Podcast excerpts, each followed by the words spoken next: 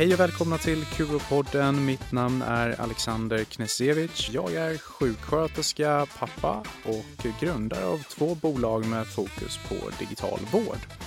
I Kuropodden vill vi ge dig som lyssnar en unik inblick i vården. Här intervjuar vi framgångsrika entreprenörer, ledare i hälso och sjukvården, varumärkesexperter, näringslivsprofiler och andra intressanta människor. Vi bjuder på okonventionella sanningar, hemligheter och pratar om hur allt är. Men kanske framför allt om hur allt borde vara. Curopodden är en podd som drivs av Curoflow. Curoflow levererar säkra och användarvänliga molntjänster till framförallt vårdsektorn.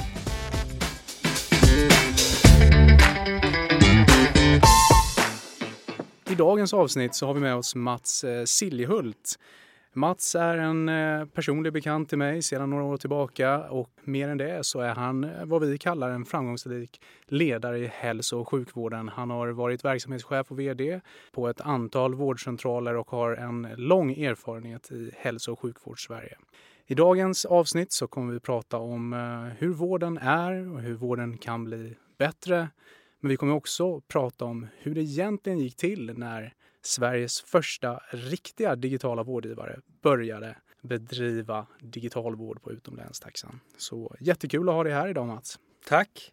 Din bakgrund, vem är du? Vill du berätta lite vad, vad har du jobbat med och vad gör du idag? Idag gör jag inte så mycket för man eh, bytte vd på eh, Vätterhälsan. Men jag definierar mig som entreprenör. Jag är en av Sveriges mest framgångsrika vårdcentralschefer och säga ödmjuk också. Ehm, men eh, jag tänker att eh, jag ska bara ha kul nu resten av mitt liv. Bara göra roliga saker. Fantastiskt. Och du nämnde ju här att du är en ödmjuk, framgångsrik entreprenör.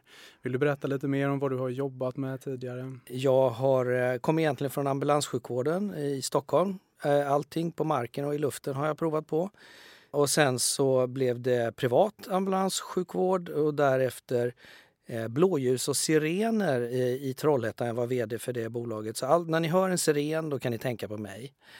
Och sen eh, lite offentligt driven vårdcentral i Jönköping, den största där, Rosenlund och sen till slut då Vätterhälsan som eh, vi var ett gäng som skapade från noll till hundra eh, de eh, senaste tio åren fantastisk resa. Och för mig som kommer från Jönköping, eh, eller Småland åtminstone, och bott i Jönköping i många år så fick jag förmånen att följa Vätterhälsans utveckling på, på nära håll. Och i Jönköping då som sagt så var det ju en omdebatterad eh, vårdcentral på så sätt att eh, de som kom från det offentliga kanske hade lite åsikter men de som kom från det privata var väldigt imponerade över vad man på Vätterhälsan åstadkom. Och där var ju du med kollegor högst ansvariga för den framgången som Vätterhälsan eh, blev och är idag. Hur var det egentligen att, att gå den vägen att eh, från chef på en offentligt finansierad eller helt offentlig verksamhet att börja driva eget? Alltså det är egentligen inte så stor skillnad. På den offentligt drivna vårdcentralen saknar man en sak, man saknar självförtroende. Och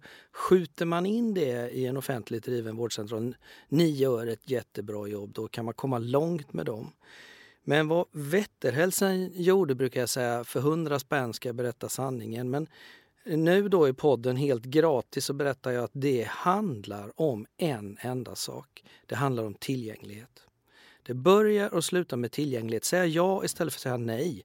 Eftersom primärvården är uppskruvad till att säga nej näst, i befolkningens nästan alla livssituationer så blev att säga ja någonting helt nytt för Jönköpingsborna. Vi svarar när du ringer, du får komma när du behöver. Det är faktiskt inte svårare än så. När drog ni igång Vätterhälsan? Vi drog igång 2010, öppnade vi dörrarna. Det var ingen som trodde vi skulle få färdigt huset. Jag hyllar den byggentreprenören som gjorde kåken klar och sen låste vi upp dörrarna den 1 juni 2010 och in kom den första patienten. Du var ju vd och verksamhetschef på Vätterhälsan i drygt tio år om jag har rätt. Ja, det stämmer. Och idag, hur många listade finns det på? Ungefär 20 000 listade skulle jag tro. Jag har inte riktigt följt det nu på slutet, men, men däromkring. Från 3 000 vi hade när vi började och upp till 20 000. Så det, det har naturligtvis varit en resa. Det är inte bara champagne och eh, skåla i kallt vatten utan eh, också en hel del hårt arbete. Det kostar ju också att säga ja det kostar att ha lite lördagsöppet, det kostar att ha kvällsöppet, det kostar att ta den extra patienten innan man går hem. Så det, Vätterhälsan är byggt av hårt arbete. Vågar man sticka ut och hakan och fråga då om eh, ni fick betalt för allt det här extraarbetet ni gjorde? Nej, så funkar inte offentlig vård utan, utan vi ville vara Eh, det är inte jag som har kommit på det men, men eh, med en av mina kompanjoner sa vi, vi behöver inte vara mycket bättre. Vi behöver vara lite bättre än de offentliga vårdcentralerna. På det viset gör man skillnad och då väljer de Vätterhälsan när de inte får det de behöver.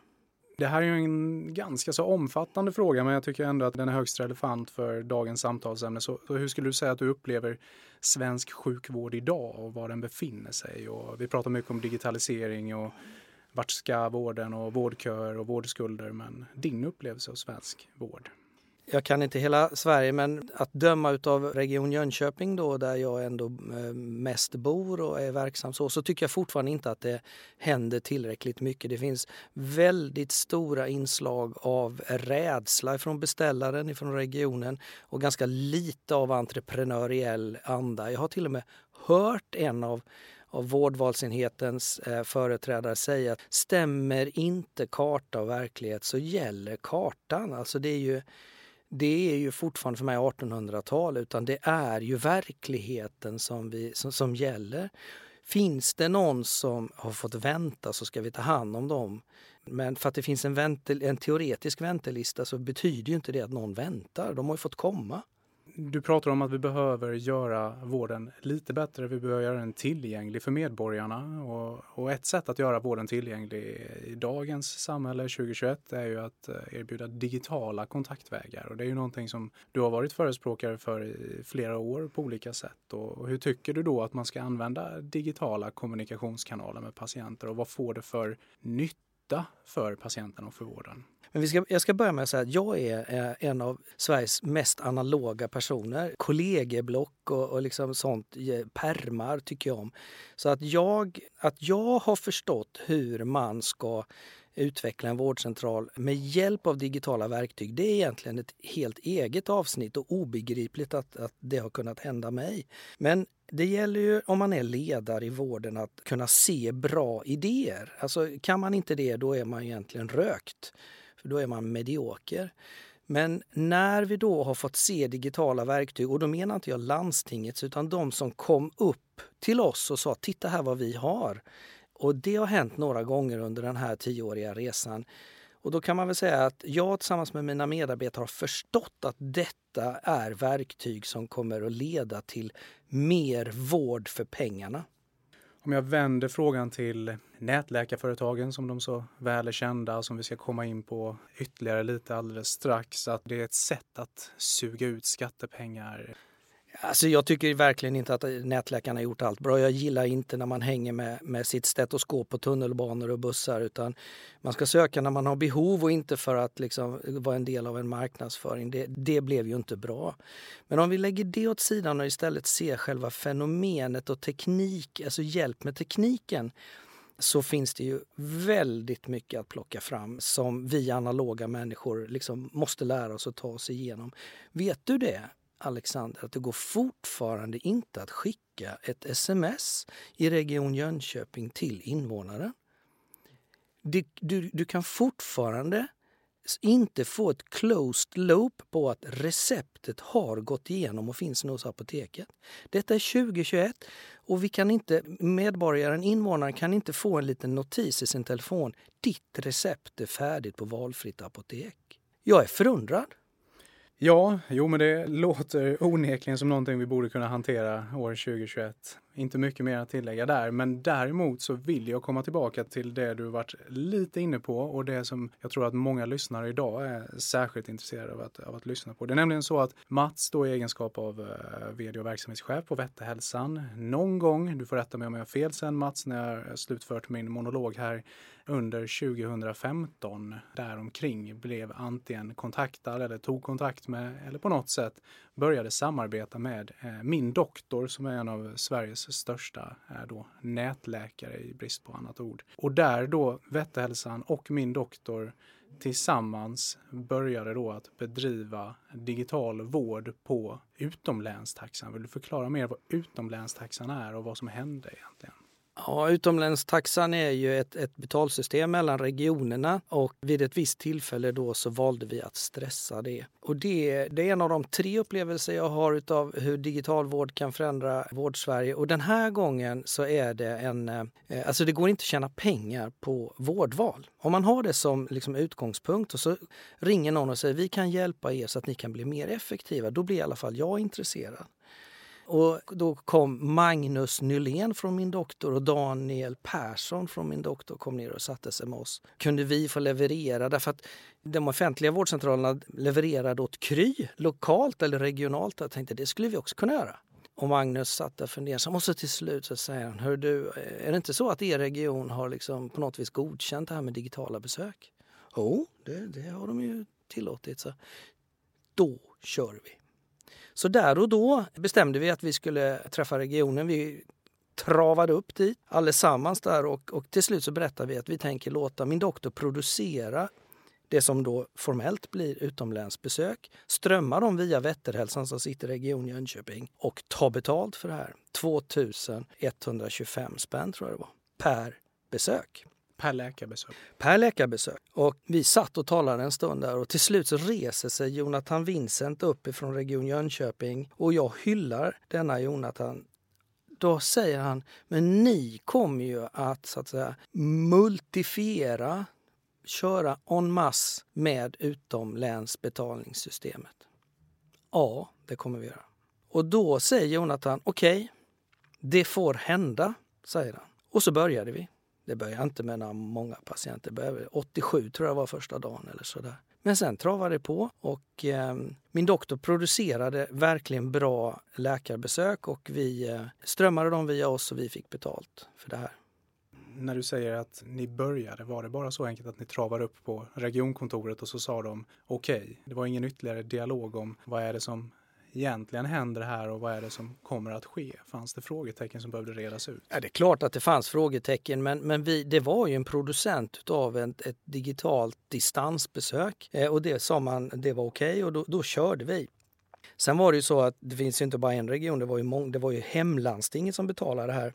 Så därför blev det ju 20 andra regioner som blev snabbt intresserade. Vad händer nu? Och man kom överens om att sänka ersättningen från dryga 2000 till 1200 tror jag. Då tjurade vi lite.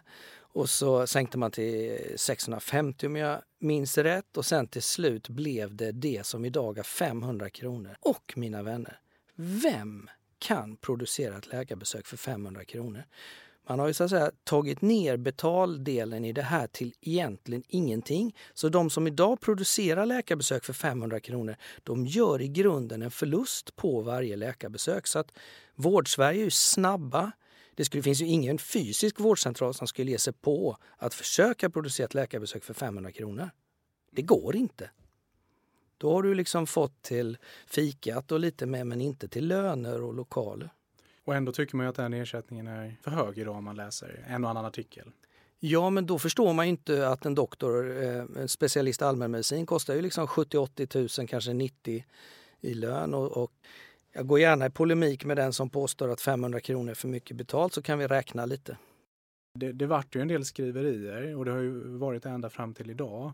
Fick du någon kritik från olika håll och kanter för det samarbetet som Vetthälsan och min doktor hade? Ja, såklart fick jag det. Det var ju, alltså man kan säga att eh, digital vård älskas inte av distriktsläkarföreningen utan där ska man träffa alla. Det, det är ju en, det är ju så en hopplöst konserv. De är ju mer kollegieblock än vad jag är. Där får det inte finnas några förändringar alls utan allt ska tas om hand där och då live. Det blir mycket kritik och det blev också mycket kritik mot Region Jönköping från de andra regionerna. Men det tycker jag är ju en del av, alltså vill du förändra samhället och vill du förändra vården så måste du våga liksom stå i, i motvind. Och argumentationen då till varför det här var bra, förutom att det givetvis var okej okay och att regionen hade godkänt detta, fanns det någon argumentation då i att genom att vi hjälps åt på det här sättet, Vetthälsan och min doktor, så kan vi hjälpa så pass många patienter fler? Eller fanns det någon annan argumentation som kunde användas? Ja, de, min doktor var ju först skulle jag vilja säga. Så att och det, de, de, har hjälpt väldigt många som vill vara anonyma. De har hjälpt framförallt väldigt många som vill söka vård på andra tider och som inte vill passa tider. Och eh, det gör ju att många fler har fått vård med hjälp av en mycket mindre insats och det tycker jag är lovvärt. Och då har man skapat vad jag egentligen tycker är den stora poängen, tillgänglighet. Om man, då, då, kan man hjälpa fler per vårdgivare. Och det är en önskvärd inriktning som min doktor visade på, tycker jag. För att bita oss fast lite i den här eh, min doktor och Vättehälsan-historien och, och, och, det som hände då så var det ju egentligen första gången man i Sverige då testade att ta emot patienter digitalt på utomlänsersättningen. Tidigare har man tagit emot patienter fysiskt på det sättet men nu fick man då ersättning enligt samma villkor fast för ett digitalt besök. Är det korrekt? Ja, det kan man säga. Vi kommer säkert återkomma till det, men det var ju dessutom en asynkron vård. Alltså doktorn, vårdgivaren och patienten var inte i rummet samtidigt, så det var ju liksom en, ett chattande besök. Men, men det var, så är det, och det beror ju på, och nu kommer en av mina poänger i den här podden, så om, om jag ska förändra någonting i Sverige ska jag förändra detta. Det måste finnas ett digitalt landsting att ansluta sig till för de som är aktörer inom digital vård. För att det här med utomlänstaxan är ju, det är ju liksom ett helt klart suboptimerat system där det finns för många aktörer och 20 stycken gillar inte vad den 21 gör. Utan vi måste, eh, uppfyller man kraven precis som i vårdval i övrigt i en region så kan man ansluta sig till ett digitalt landsting och då leverera primärvård eller specialiserad vård. Det tycker jag är en självklarhet. Och när vi ändå är på det temat då så kom ju eh, Göran Stiernstedt med en utredning där en del av eh, konklusionen var att digitala vårdgivare bör också etablera sig fysiskt i alla de regioner där de erbjuder digital vård. Det går ju lite emot då det här digitala landsting som du pratar om. Varför tycker du att Göran Stiernstedts förslag kanske är mindre bra i förhållande till ett, ett digitalt landsting? Jag kan inte se anledningen till att, att man liksom måste ha 21 jag är lite engagerad i, i migränvård. Jag kan inte förstå att man ska ha 21 migränmottagningar för att kunna leverera digital nationell fysisk vård. Så, så har man ju aldrig gjort förut, så det får väl stå för Göran Stiernstedt själv. Men jag har sagt till honom också, du måste se till så att det blir digitalt landsting. Och är det en självklarhet att alla vårdgivare i Sverige ska erbjuda digital vård eller är det förbehållet vissa? Mm, ja, det vet jag inte. Jag, jag är inte av den, eh, jag tillhör inte den sorten som, som tycker att man ska tvinga vårdgivare att göra på ett visst sätt utan man ska ha invånarnas bästa för sina ögon och då, då, då faller det naturligt. Men jag tror däremot att, nu kommer en av mina andra poänger, vi får inte mer stålar i systemet. Det vill säga primärvården kommer inte alls bli så himla bra som alla utredare tror. Och, och så här en procent varje år sa man i Region Jönköping skulle tillföras från slutenvården till primärvården. Nej, nej, nej. Utan vi måste jobba smartare och då är ju det digitala verktyget helt avgörande för att kunna jobba smartare. Så att det är till för det. Där har du sagt då att nyckeln är asynkrona möten eller asynkron chatt, eller en del av lösningen i alla fall. Du är inte lika övertygad om videons förträfflighet. Vill du berätta lite om det? Ja, vi, vi börjar med videon. Videon är suverän vid återbesök och kontrollerade situationer men den är egentligen hyggligt oduglig vid eh, det primära besöket, vid eh, nybesöket eftersom då måste vårdgivaren och patienten vara i rummet samtidigt. Eh, och det, är det något vården är dålig på så är det utfästelser i tid. Utan det är bättre att vi kommunicerar varandra digitalt, att vi skriver till varandra och berättar, skickar bilder på det som är. Och sen kan man koppla på videon om det så att säga är, tillför någonting i den här situationen. Men den asynkrona vården gör att vi kan göra mer för invånarna på varje vårdgivare. Den är alltså effektiv. Den synkrona vården, videon, är inte effektiv annat än vi spar lite bensin. Och det är ju kanske eftersträvansvärt men, men det förändrar inte vården på liksom på, på, i det stora hela. Om du fick eh, vara Sveriges mäktigaste person inom vårdsektorn som eh, på ett eller annat sätt skulle kunna summeras ihop till Lena Hallengren. Eh, vad är det första du skulle göra om du fick Lenas jobb? Alltså ett, införa ett digitalt landsting. Man måste snabbt kunna ansluta sig. Om, om man uppfyller kraven så ska man snabbt kunna ansluta sig och eh, leverera bra vård till hela Sverige. Den digitala vården har en del brister också. Vi måste beröra det lite tycker jag. Och det är ju liksom hela det diagnostiska systemet eller medicinskt diagnostiska systemet såsom prover och röntgen. Så att i ett digitalt landsting så hade man också kunnat lösa de frågorna och säga att här, provtagningar, alltså det utfärdas remisser som, som de olika laboratorierna och, och radiologerna begriper och känner igen sig i. För de, de vill ju inte röntga när min doktor liksom skickar dem på röntgen och så här eller ta prover. Så Sverige är ju infantilt inför distansvård. Kanske därför Stiernstedt liksom, eh, föreslår det han föreslår, att det måste finnas en fysisk enhet så man kan få laboratorieprover tagna. Men det tycker jag det måste vi kunna lösa på ett annat sätt. Ja, det finns ju exempel på hur man kan lösa det. Exempelvis då VR-labs som har anslutit sig till vårdcentraler runt om i landet eh, och eh, på det sättet kan erbjuda provtagning, dock för privatbetalande. Men även det offentliga bör ju rimligtvis kunna betala för det på samma sätt. Då. Så att just att, att vara i behov av att ha en fysisk enhet Ja, det är för sorgligt. Sen vet inte jag om vi har liksom berört riktigt hur jag tycker, vad, vad händer på vårdcentralen eh, om man vill vara digital. Då kommer nästa fenomen för när vi, när vi införde ett annat system med, med digital triagering, digitalt berätta om vad man önskade, vad man var rädd för och så eh, upptäcker man att man måste organisera om sig på vårdcentralen och det är ingen liten sak. Eh, du måste sätta sköterskor och läkare frontline. De måste vara med och besvara de inkommande ärendena, sortera dem och skicka dem till rätt person. Och då kommer nästa fördel med det digitala. De går ju med en knapptryckning skicka till någon annan. Och i den bästa av världen så kan man följa status på ärendet. Liksom, ja, men det ligger och väntar hos din doktor för du kan bara hanteras av din fasta läkarkontakt. Eller receptet är snart färdigskrivet och så småningom kommer det, som jag börjar med att säga, att ett, ett, ett litet notis då om att nu är receptet färdigt på närmsta valfria apotek. Så att det kommer att krävas. ska vi jobba digitalt i primärvården och egentligen i alla andra sammanhang så måste då måste man ha sköterskor och läkare frontline. Och som vi har nämnt här i introt till eh, Curopodden så är det ju en podd som produceras av Curoflow. Vi sysslar ju just med medicintekniska produkter för hälso och sjukvården och bland annat då så levererar vi just en, en sån här lösning som du nu pratar om med eh, digitala ingångar för patienten att reageras till rätt vårdprofession, kunna flyttas mellan läkare, sköterskor och så vidare. Det är chatt och det är video. Men systemet i sig räcker inte säger du, utan man, man måste få med sig personalen. Och vem är det som då ser till att personalen tycker att det här är någonting vi ska göra? Jag skulle vilja säga att när vi införde ett sånt här system på Vätterhälsan då så var jag till att börja med helt ensam. Utan det var mer att jag förstod att så här skulle vi kunna erövra Jönköping och vi framförallt skulle bli effektivare i vår ansats. Vi, annars måste vi anställa folk vi inte har råd med. Men väl där då, sen, sen var det mest bara att bestämma att vi skulle göra detta och personalen när de inser att det här kommer att hända, då är de snabba på tycker jag att ja men då vill jag vara med i Frontline och då tar vi med doktor X och doktor Y, de gillar ju det här va och så och sen händer det.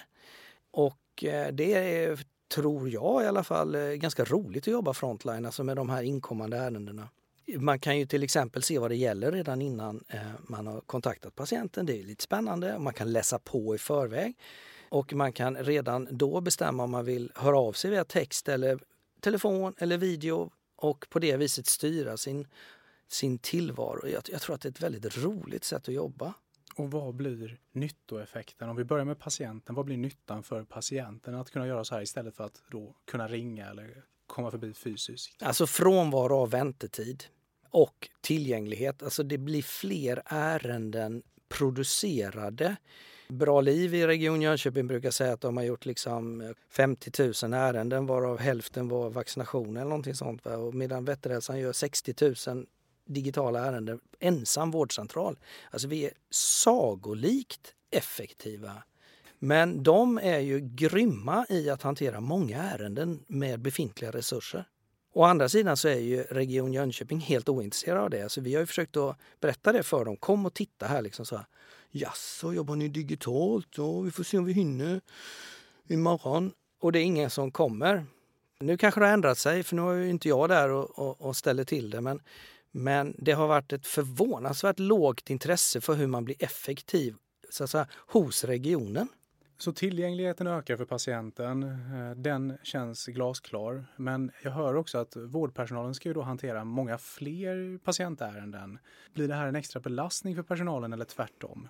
Alltså, man kan bara jobba, så, så, så, extra belastning vet inte jag. Men visst, är det, visst blir det fler ärenden. Det tycker jag är önskvärt. Ingen, jag lägger inte det i liksom belastningslådan utan jag lägger det i lådan där invånarna har rätt att förvänta sig få sina ärenden hanterade i, ganska mycket närtid.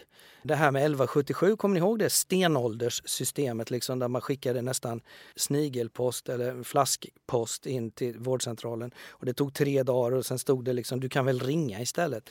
Alltså det, det är ju ett exempel på när regionerna har försökt att vara digitala så det är ju bara att lägga ner, skruva av det liksom.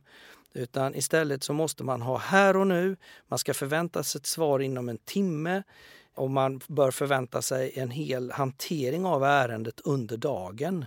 Jag har sett statistik då på, på personal som jobbar eh, på vårdcentraler och andra enheter inom hälso och sjukvården där man eh, initialt kanske är lite negativt inställd till att skapa eh, en digifysisk mottagning då.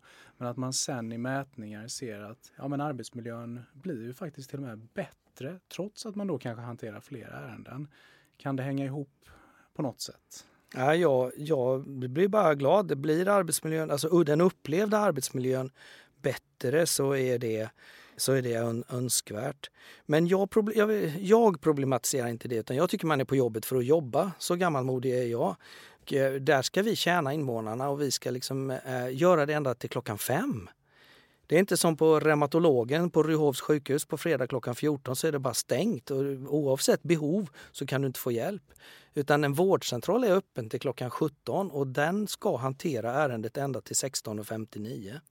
Och vad tyckte patienterna då? Kunde de fortsatt ringa till Vätterhälsan eller var det bara logga in här så ska du få hjälp? Ja, för 200 kronor så berättar jag sagan ifrån telefon till digital. Men här i podden är allt gratis. Eh, så då var det så här, vi gjorde så att i telefonmeddelandet som, som läses upp ifrån regionen så säger vi om du vill ha hjälp digitalt så kan du logga in eh, via mobilt BankID. Och sen är det 2,5 sekunders uppehåll. Och det är ingen jäkel i Jönköpings län som orkar vänta 2,5 sekunder. Och så kommer det eller om du vill ringa så kan du göra det. Men då har de redan tappat tålamodet.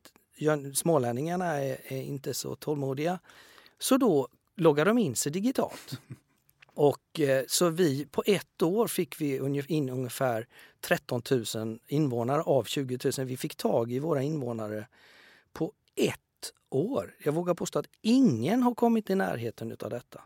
Fantastiskt. Och det du berättar om låter ju som att syftet är att tjäna patienterna, tjäna medborgarna eh, och kanske att man också tjänar en viss del i arbetsmiljön. Men som jag förstår det så Vätterhälsan i det här fallet fick inte betalt för att chatta med sina patienter. Är det korrekt? Ja, nej, nej, vi, vi, vi fick betala det här med egna medel.